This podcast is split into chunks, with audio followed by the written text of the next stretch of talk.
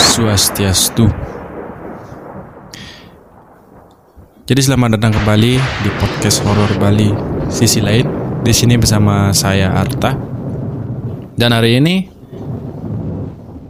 saya mau bahas uh, mengenai suatu hal yang berbau mistis lagi. Tapi tenang aja. Jadi ini uh, lebih ke gimana ya? Maksudnya lebih ke uh, pertanda-pertanda kayak gitu. Kita akan uh, lebih membahasnya itu maksudnya lebih ke pertanda-pertanda yang berbau misteri seperti itu.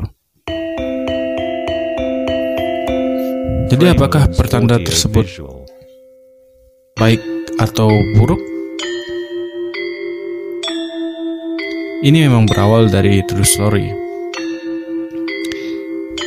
Ketika di rumah. Tiba-tiba itu kedatangan seekor tokek.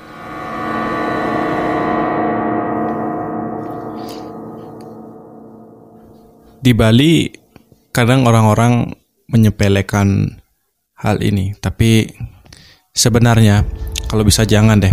Karena kenapa? Banyak orang-orang Bali zaman dahulu itu percaya terhadap mitos toke ini. Terkadang ada yang uh, di setiap rumah itu pasti saja ada tokek. Tapi sebenarnya habitatnya itu bisa dibilang di eh, rumah-rumah yang berdekatan dengan uh, kebun atau tegalan-tegalan dalam bahasa Bali, kebun itu sendiri. Atau di Bade dan juga tempat-tempat uh, yang bisa dibilang lembab, uh, rimbun bisa juga. Jadi toke ini menyukai tempat-tempat seperti itu. Dan terkadang pun tiba-tiba saja mereka bisa berada dalam pekarangan atau rumah. Dan apakah ini lazim? Bisa saja jika rumah kita dekat dengan tempat-tempat yang saya sebutkan tadi. Dan juga tempat-tempat lembab. Biasanya sih mereka itu berdiam di pojokan atau di atap rumah biasanya gitu seperti itu. Karena toke ini sendiri adalah binatang apa ya? Reptil. Reptil melata. Ya kayak kayak gitulah.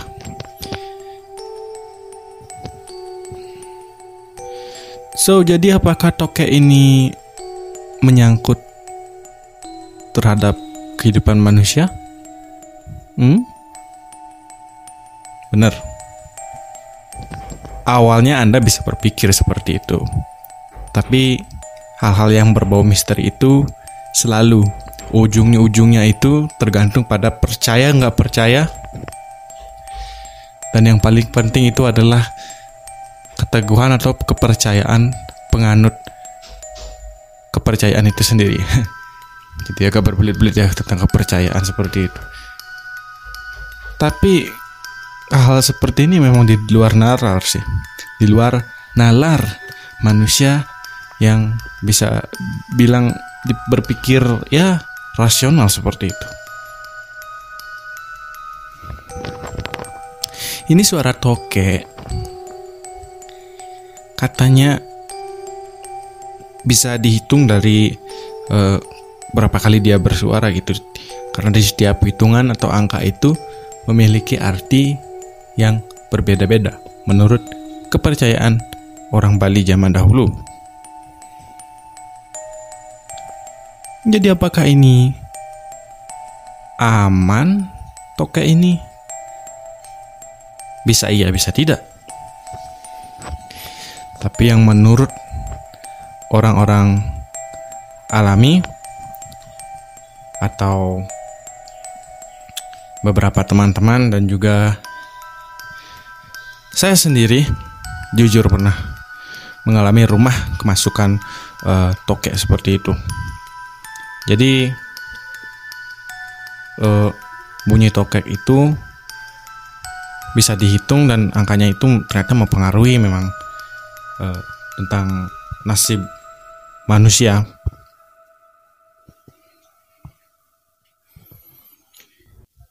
Di rumah pun punya uh, bapak di rumah punya bapak punya ibu. Ada tokek. Jadi waktu itu saya tinggal di masih tinggal di rumah bapak. Dan uh, selang sebelumnya nggak ada tokek nggak ada tokek gitu. Tapi selang beberapa lama sekitaran uh, adik saya yang paling kecil itu cewek jadi saya ini tiga bersaudara dulunya. Adik saya yang paling cewek berumur sekitaran dari empat tahun menuju lima tahun gitu.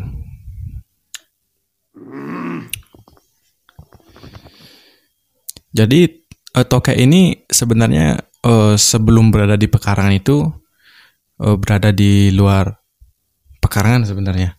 Dalam artian uh, di luar pekarangan itu kan ini kan uh, rumah bapak dekat perkebunan gitu ya.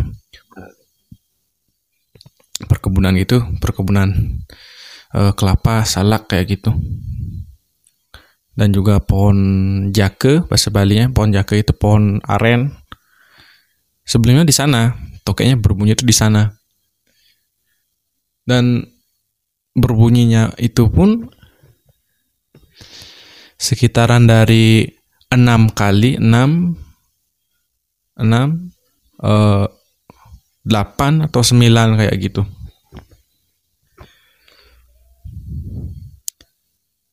Dan konon kalau tokek berbunyi 6, 8, 9 itu katanya memiliki arti yang bisa dibilang uh, uh, ini ya angka sialnya seperti itu. Berbunyi hitungan seperti itu katanya sial sih sebenarnya. Dan menurut beberapa beberapa sumber pun sudah mencantumkan hal-hal seperti ini bunyi-bunyi tokek ini sebenarnya.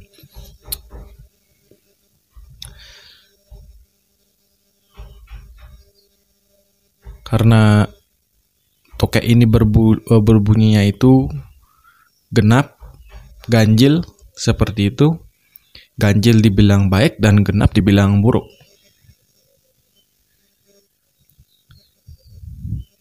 Dan beberapa sumber pun menyatakan bahwa berbu uh, tokek yang berbunyi enam kali itu bernama sengkala gering atau uh, sebagai pertanda dalam arti akan datangnya malapetaka. Baru bunyi 8 kali. Namanya ala gering. Yang berarti sesuatu hal yang buruk pasti akan terjadi. Nah, yang lebih buruk lagi berbunyi itu 9 kali. Namanya itu sengsara bara. Artinya sengsara yang tidak berkesudahan. Kebanyakan negatifnya sebenarnya sih. Tapi ini sekali lagi ini percaya nggak percaya, tokek itu pun terus menghantui dan berbunyi akhirnya di pekarangan pun terus seperti itu. Sampai-sampai adik saya yang berumur lima tahun itu meninggal karena sakit.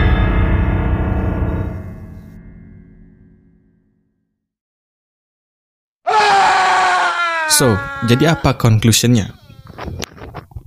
Apakah ini sebab penyebabnya itu tokek? Is that real? I think it's not. Saya kira tidak. Why?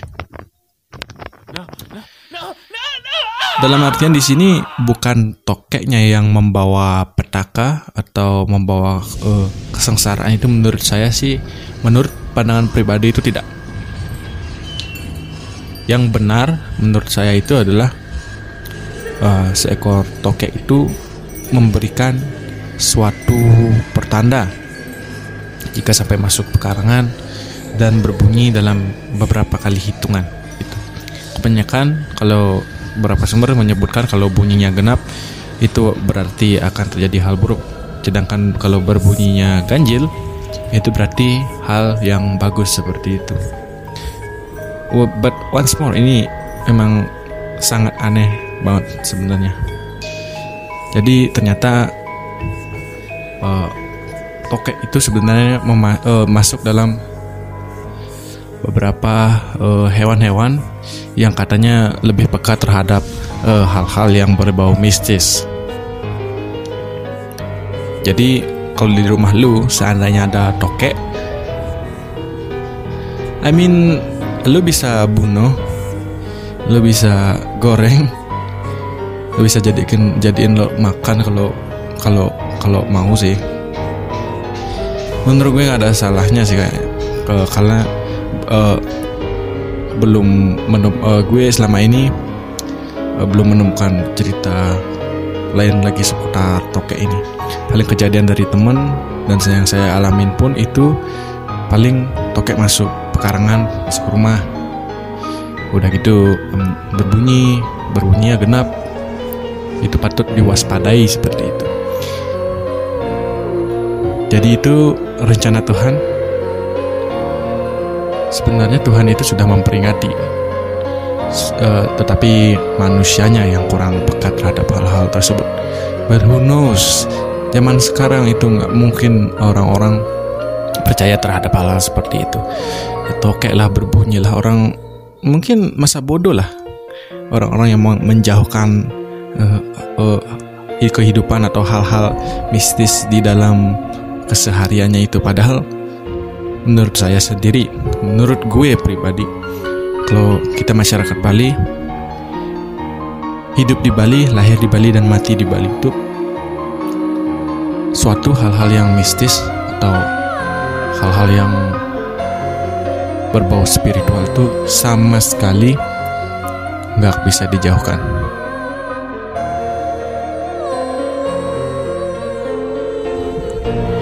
Dan juga hal-hal mistis dan spiritual itu uh, sangat erat sangkut pautnya dengan hal-hal yang berbau mitos, cerita-cerita berbau mitos dan juga cerita-cerita dari uh, leluhur dari orang tua itu.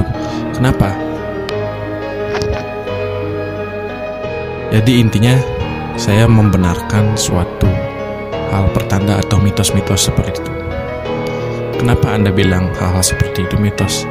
Karena Anda belum merasakan atau menghadapi kenyataan-kenyataannya. Tapi suatu saat jika Anda mungkin mengalami hal tersebut, jangan salahkan siapa pun, jangan salah diri sendiri, jangan salahkan orang lain. Karena manusia itu tidak pernah luput dari kesalahan. Oke, mungkin segitu saja cerita gue untuk uh, podcast kali ini. Jika ada salah kata mohon maaf. Di sini bersama gue Arta dan mungkin dari kalian yang uh, pendengar podcast horor Bali sisi lain jika Anda mempunyai kejadian-kejadian atau pengalaman-pengalaman mis seputar mistis on true story kalian uh, ataupun dari ibu, dari ayah atau mungkin dari sanak saudara, dari pacar, bisa Anda kirim ke podcast sisi lain di alamat email podcast sisi lain 00 at gmail.com Cerita yang Anda kirim akan saya tayangkan secara eksklusif di Spotify sisi lain. Thank you very much. Terima kasih banyak buat yang sudah mendengarkan podcast saya hari ini. Jadi semoga sehat selalu. Astungkara Samira Hayu. Di sini bersama saya Arta. Podcast sisi lain. Om Santi Santi